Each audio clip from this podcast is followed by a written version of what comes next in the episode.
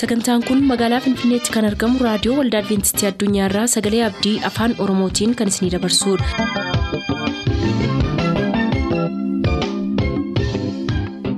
Harka fuuni akkam jirtu kabajamtoota dhaggeeffattoota keenyaa nagaa fayyaanne waaqayyo bakka jirtan maratti isiniif haa baay'atu jechaa sagantaan nuti har'aaf qabannee isiniif dhiyaannu sagantaa maatiif sagalee waaqayyoo ta'a gara sagantaa maatiitti haa dabarru.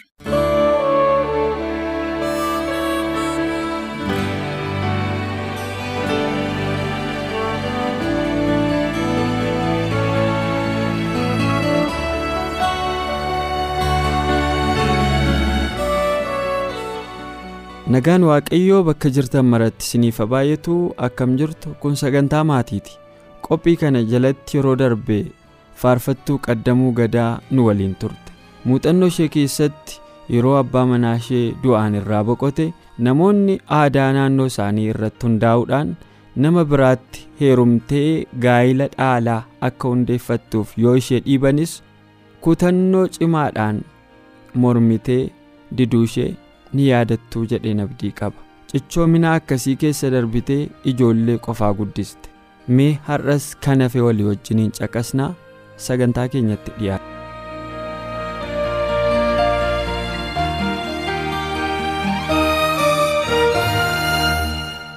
haa ta'u malee icciitiin isaa maali qaddamu kan akka nuuf himtuun barbaada maatiin illee kanarraa barumsa akka baratanii qophiin keenya qophii maatii jalatti kan muuxannoof mudannoo kee kana qoodaa jirru. Ijoollee kee mucaa kee ishee maannaa argeera. Mucaa baay'ee naamusa qabduudha. Inni hangafi immoo inumaayyuu hojii wangeelaa hojjechaa jira naan jette gidduurra jiru konkolaachisaadha hojii hojjetee of danda'ee socho'aa jira jettee kun naamusa maatii irraati madda kun hundumtu. Mee akkamiin yeroo hadhooftu akkasii keessa darbitee ijoollee kee kana akkamiin qabdee haadha ta'uun mataa isaatti ba'aa ulfaataadha. San irrattuu abbaa warraa ofii dhabanii qobaa maatii guddisuun baay'ee cimaa. Mee icciitimti isaa maalii maatiin namoonni kabiraan kana dhaggeeffatan illee jireenya ulfaataa wal fakkaatu keessa kan jiran kan nu dhaga'aa jiran jiraachuu danda'u. Icciitiin isaa maali? Maaltu si milkeesse? Kana abdii wajjin akka namootatti himtuun barbaada. Waaqayyo haa galatoomuu wanti guddaan waaqayyoomatti of dhiisu kadhachuu. Jilba kanaan waa argatani. Kadhannaa jilba kanaan waa argatanii waaqayyo nama gargaara yoo kadhataniitiin jedhan dubbifachuu kadhachuu ijoollee kana mataa isaanii walitti qabanii keessumaanuu hennaa isaan daa'imman didiqqoo turaniitiin jedhanii mataa isaanii walitti qabee hin kadhadhaa tajaajila kennu isaan mataan isaaniitu kana shaakalanii tajaajila kennu ganamaaf galgala sagantaa kan masakku jira kan matsaafa dubbatu jira kan faarsu jira haala kana kana keessatti ammoo. Kadhannaan an waaqayyotti boo'aatiin ture. Kabiraa ammoo ijoolleen ijoolleen magaala keessa guddatte. Magaala guddatte kana keessatti ijoolleen magaalaa amala garaagaraa qabdi. Amma fakkeenya magaalaan gugurdaan kaluma ofii keessa addachaasanii daa'imman kaluma ofii keessa guddatti. Magaalaa akka kennaa kun ijoolleen raasaa guddatti diidatti. Amala garaagaraa waan barbaachifne hunda shaakalaa dhufti jechuudha. Garuu. Waaqayyo nama gargaara yoo waaqatti itti dhiisan. Ani ijoollee kiyyaa tokkoffaa amala diidaa akka isaan barataniif hin eeyyamne. Bayanii ijoollee diidaa waliin taphatanii akka turaniif hin eeyyamuuf. Yoo namni qarshii diidaa kenneefiitiin jedhe qarshii isaan yoo argatanii suuqii dhaqanii waan garaagaraa bitanii yoo kana shaakala ammoo hanna baratanii waa baay'ee godhanii waan kana akka hin gooneef ammoo namootaaf of eeggannaa kenna. Namoota isaan isaanii yaadanii ijoollee abbaan qabne gargaaruuf namoonni waan akkasii godha malee isaan balleessuuf hin miti. Garuu ani hin eeyyamu waan akkasiin eeyyamuuf ijoollee. Anillee ammoo namoota sin dhoggaa ufii kiyyaallee ijoolleen haati yoo gabayaa dhattee dhuftu yoo waa barsiisan harka yoo barsiisan zambiilii keessa waa hin soxxi waan haati dhuftee bittee galteen san soxxee fudhattee nyaatti. Waan kana hin barsiifne hin dhoggee waan kana inumaayyuu gaafa waan kana dhabde ijoolleen waa hatti. Ani waan kana hin barsiifne. Inumaayyuu haga guddatanitti haga guddatanii haga sadarkaa kana gayanitti ani waan diidaa bitaa dhufaatiin jedhan sanii qabatanii meeshaa fakkeenyaaf isaaniif garuu barbaachisa. Fakkeenya waa akka muuzii, waa akka burtukaanaa, waan akkana akkanaa kan ijoollee binnee yoo dhufne isaaniif barbaachisa. Haa ta'u malee ani kan yaadaatiin ture gaafa dhabanii hin aaruu, hin loluu, horiin akka inni bitannaa jedhu yaada biraa keessa galla. To'achuu hin danda'u yoo isaan kana dhufaniitiin jedhan. Kan biraa ammoo yeroo waa dhabee amma uffata bituu fi kun yoo sirriillee hin taane jechuudha. Yoo sirriillee hin taane akka ofii kiyyaan ammoo jireenya kiyya itti geggeesse jechuudha. Yoo nama tokko uffata bitee anatu biteen jedhuun ebaltu bee bitee fi isaan wanti beekan tokko jira. Namni dhufe warroonni amantoota namni dhufe martinuu isaan jaalata yeroo san. Manni sun kan keessa ture mana waldaaf kireeffamee keessatti waaqeffatan keessa kutaawee jiraadhaan. Saniif namoonni amantoonni baay'ee seenan waan ta'eef namoonni kun martinuu ijoollee kanan jaalatan. Kanarraan kan ka'eetiin jedhe amma namoota waan jaalatan ebaltu bee ebaluu kana godhe akkasitti jedhaa ijoollee kiyya jiruu kiyya mo'achuuf jechuudha akkasitti dabarse. Anaafis naa anaafis naa qabda jedhanii akka waliin lolleef sisiin lolleef.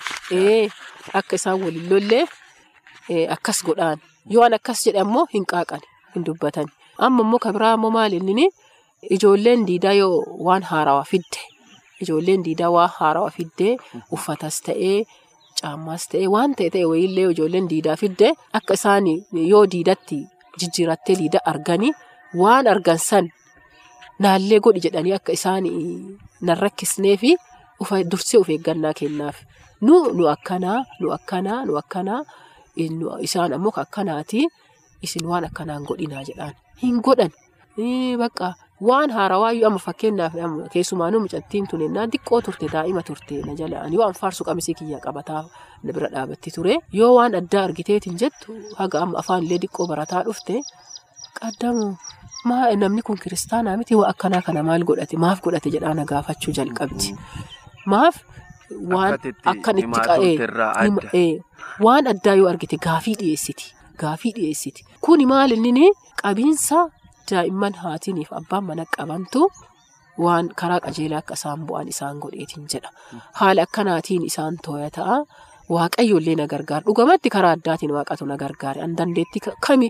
Ani yoo uf laale amantii kiyyaa yoo laale amantiin kiyyaa hagas hin ga'u dadhaba nama dadhabaa tokko anin gin gargaarsi waaqayyoo dhugaa harka harki isaan irra aanee ijoollee kan haala kanaan guddisee asiin bahee waan diidaa arganii galanii akkanan gaafan waan addaa horii wayii argatanii baanii suuqii dhaqanii akkanan rakkifne horii baratanii akka qarshii san hatuu jala hin qabne yeroo tokko mucaan jidduu suni ijoollee wayii argeetin qarshii wayii na jalaa fuudhee na jalaa dhosse akka tasaa gaafa tokko wayii guyyaa tokko yaadadha na jalaa dhosse naaf fidi jedheen.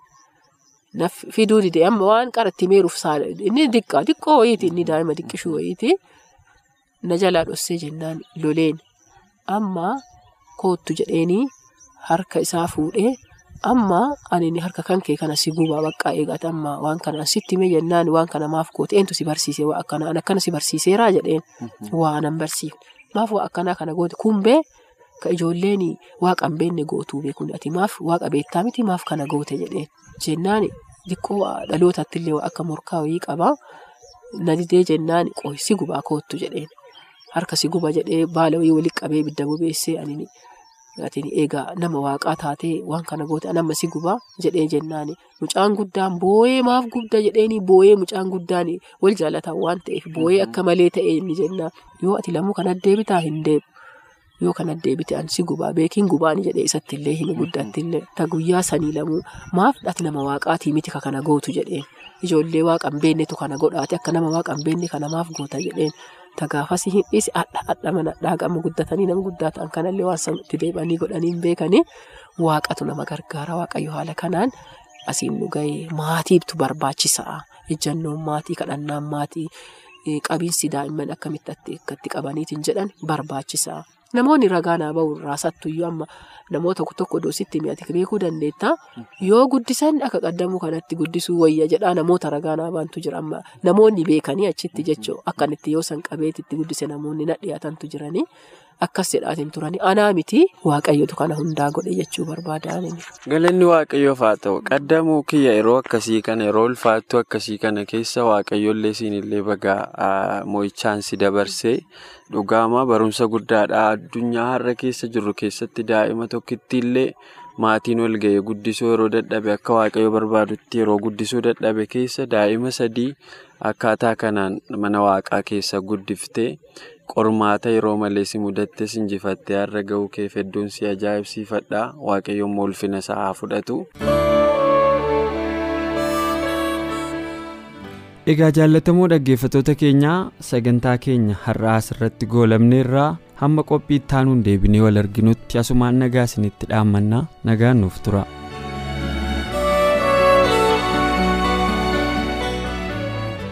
Turtanii raadiyoo keessan kan banattan kun raadiyoo adventistii addunyaa sagalee abdiiti.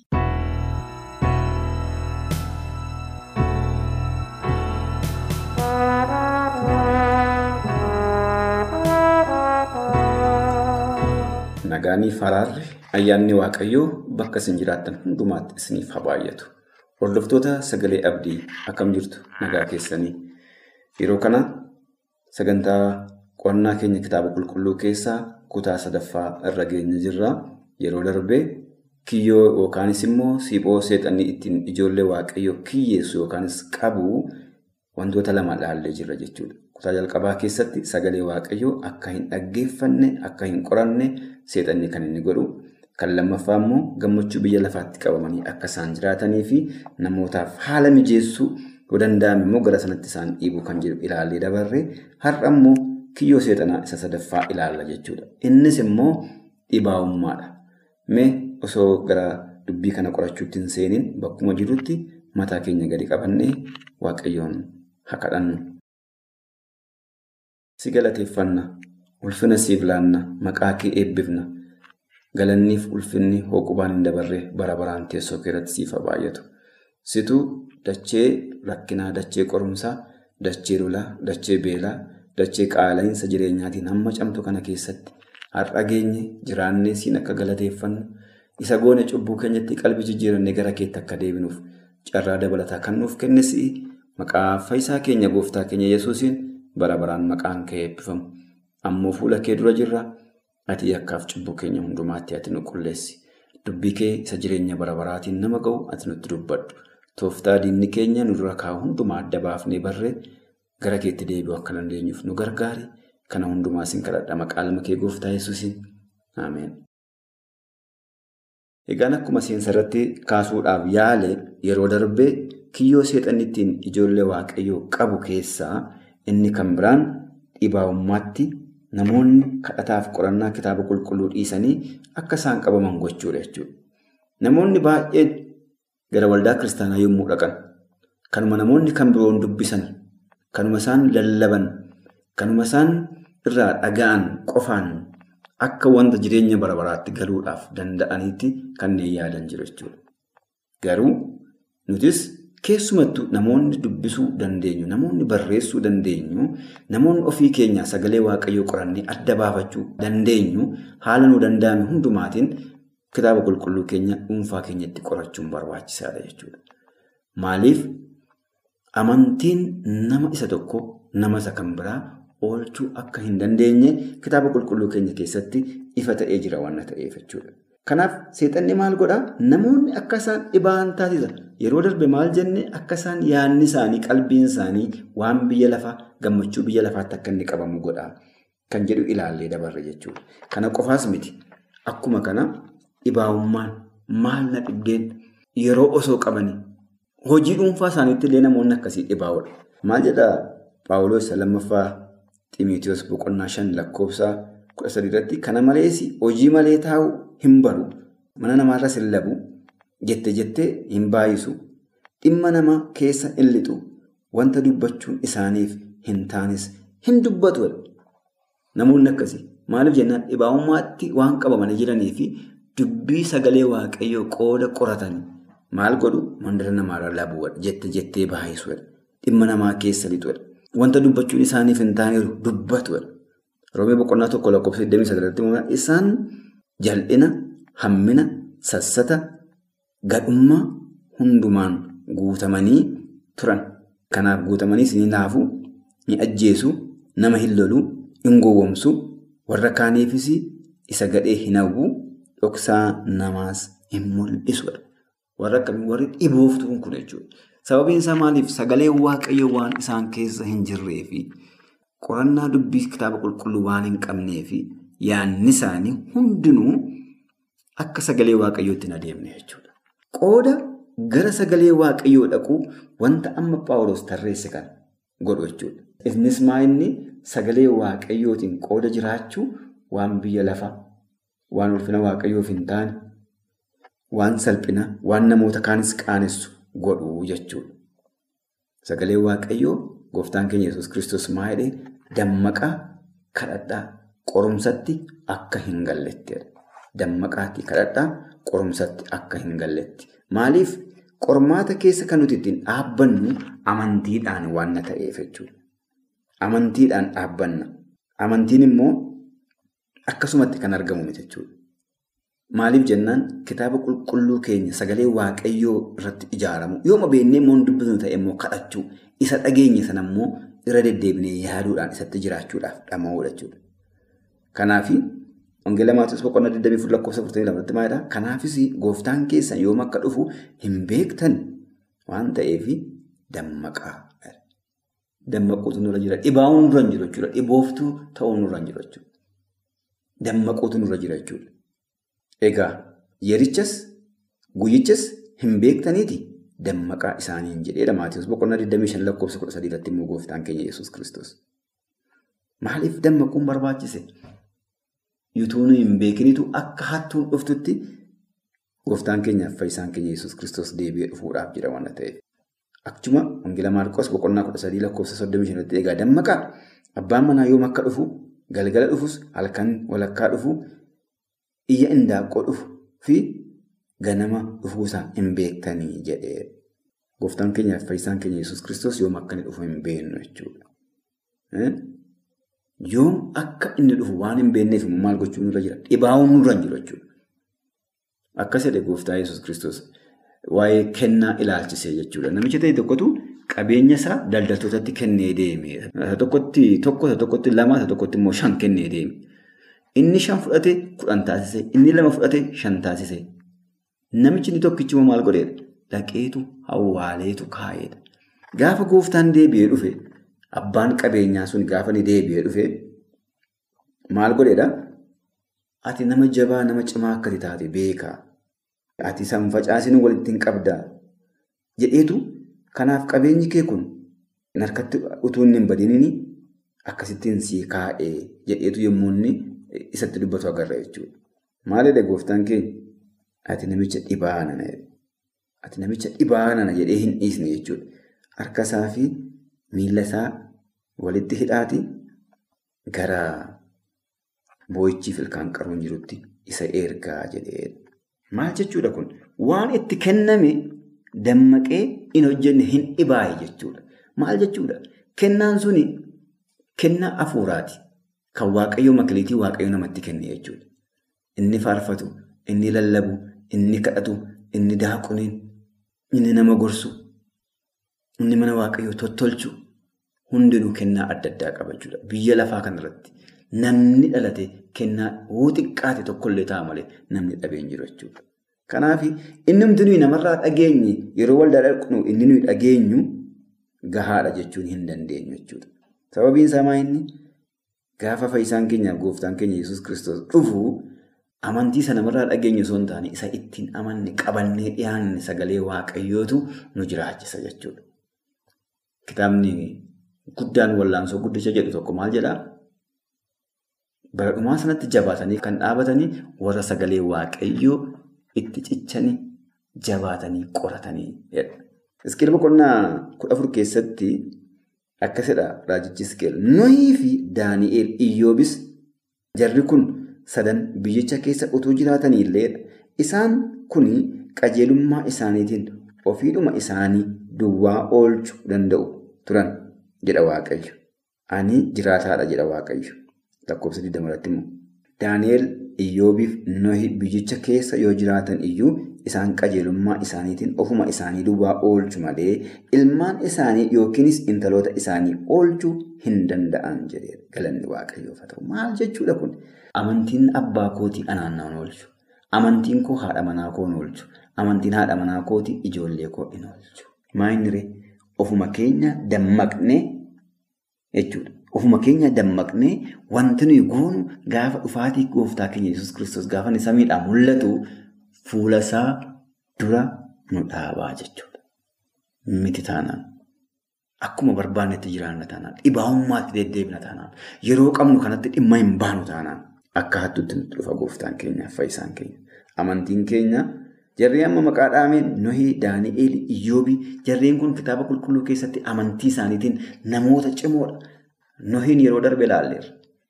Addunyaan kun guutummaan yeroo waaqayyoon gantetti nama dhaabbatee biyya lafaa keessa isaaf maatii isaa qofaa hambifatee jechuudha. Daani'eel boolla leencaa keessa seenee nama amantiidhaan keessaa bahedha jechuudha. Iyyoobii waggoota dheeraadhaaf hiriyoonni isaa maatiin isaa hundinuu dhumanii isa dhiisanii waaqayyoon gan ittiin jedhanii gara gantummaatti yommuu isa jajjabeessan ani waaqayyoon hin gaddisiisu jedhee nama hafeedha jechuudha. Garuu maalidhaa gaafa dhufaatii gooftaa keenyaaf fayyisaa keenya Yesuus Kiristoos sana jechuudha. Jarri kun sadantuu dhaabatanii biyyuma lafarra jirutu ta'anii maatii isaanii keessaa nama tokkollee oolchuu hin danda'an. Ilmaan isaanii intalootan isaanii oolchuu hin danda'anidha.